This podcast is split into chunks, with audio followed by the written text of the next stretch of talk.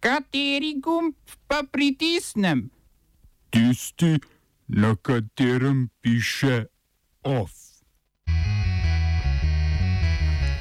V Franciji splošna stavka proti reformam pokojnin v javnem šolstvu in prometu. Tudi v Kolumbiji množični protesti.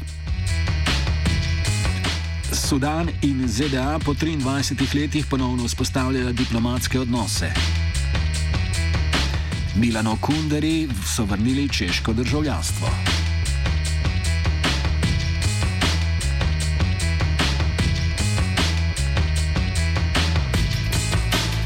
Francoski učitelji in zaposleni v javnem prometu znak protesta proti predlagani pokojninski reformi stavkajo. Gre za najštevilčnejšo stavko v času mandata predsednika Emanuela Macrona.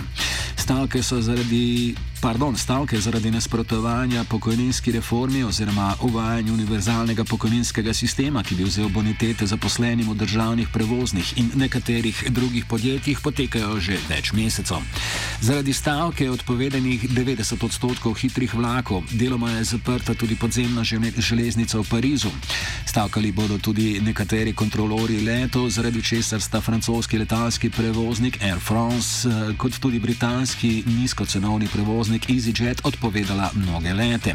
Trajanje stavke ni vnaprej določeno, zaradi česar so se mnogi spomnili na november in december 1995, ko je zaradi nestrinjanja med vlado in sindikati bila Francija tri tedne paralizirana.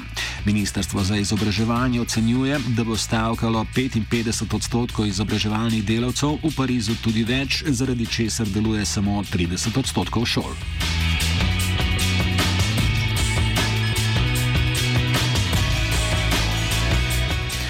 Macron se je medtem zamotil s francoskim predsednikom vedno ljubo temo Afriko.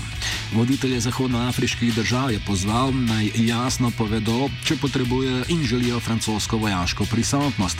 Pravi, da se Francija trenutno ne angažira iz kolonialnih, imperialističnih in ekonomskih razlogov.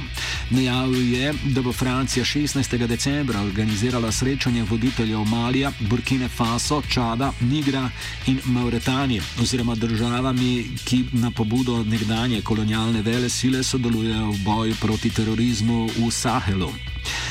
Makronove izjave o neintervencijski politiki sicer ne držijo povsem. Ne na zadnje je minuli teden v letalski nesreči umrlo 13 francoskih vojakov v Maliju.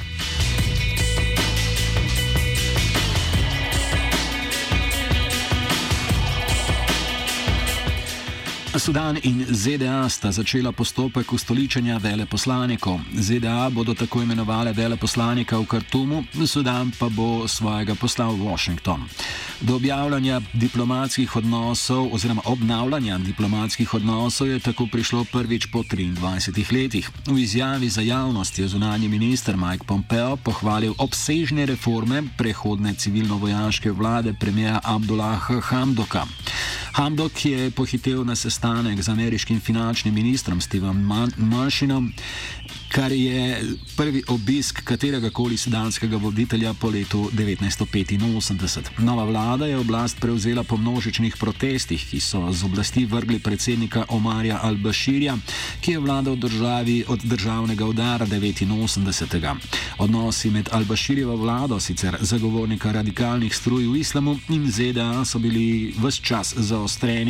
Sudan je sicer še vedno na ameriškem eh, seznamu podpornic terorizma, nove sudanske oblasti pa si želijo umik z omenjenega seznama. ZDA bodo o tem razmislile.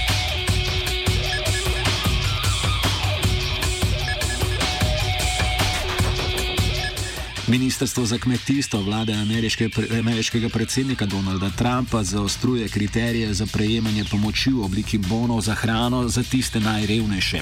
V praksi bo to pomenilo odozem bonov okoli 668 tisoč trenutnim prejemnikom pomoči.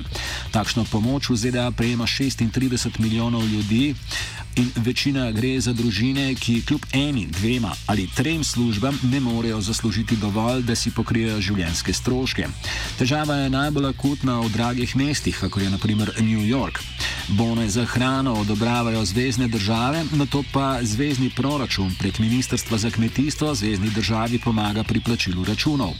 Do sedaj so lahko odrasli med 18 in 49 letom v obdobju treh let prejemali bone za hrano le tri mesece, če so delali manj kot 20 ur na teden.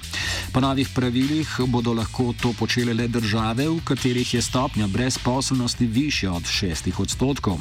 Ob krčanju socialnih programov gre pripomniti tudi, da je Trumpova vlada bogatim namenila precejšnje davčne olajšave.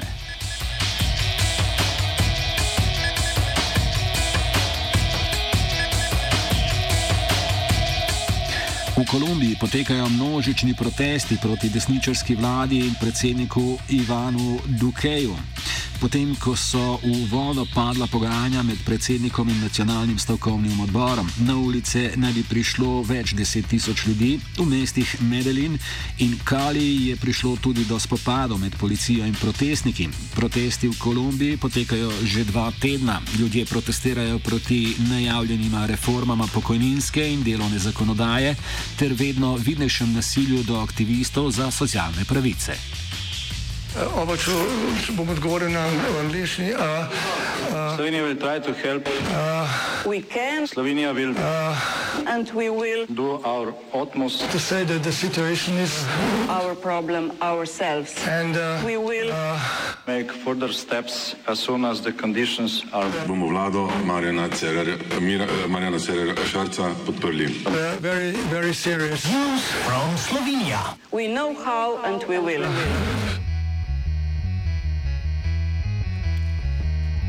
Upravno sodišče je odredilo, da morata biti policija in Ministrstvo za notranje zadeve bolj transparentna pri dokumentih o ravnanju z migranti.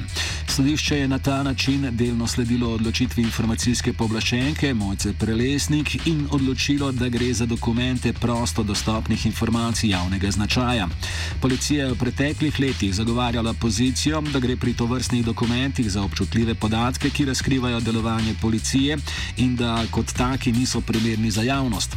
Obstaja upanje, da, razkrite, oziroma, da bi razkrite depeše dokončno dokazale trditve o sistematičnem zavračanju prosilcev za azil, na nekaj, na kar nakazuje statistika sprejetih prošenj za mednarodno zaščito ter številna pričevanja migrantov. Z MNZ-ja so sporočili, da sodbo še preučujejo ter bodo v kratkem odločili, če bodo vložili revizijo na vrhovno sodišče.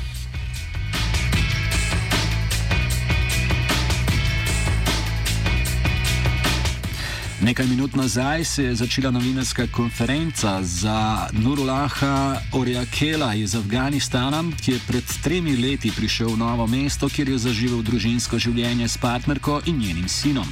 Oktobra so ga ponovno odpeljali v postojno v center za tujce, kljub temu, da je v postopku združevanja z družino na upravni enoti, zaradi česar praviloma ne bi smel biti v deportacijskem postopku. Več o tem v offsajdu ob 17.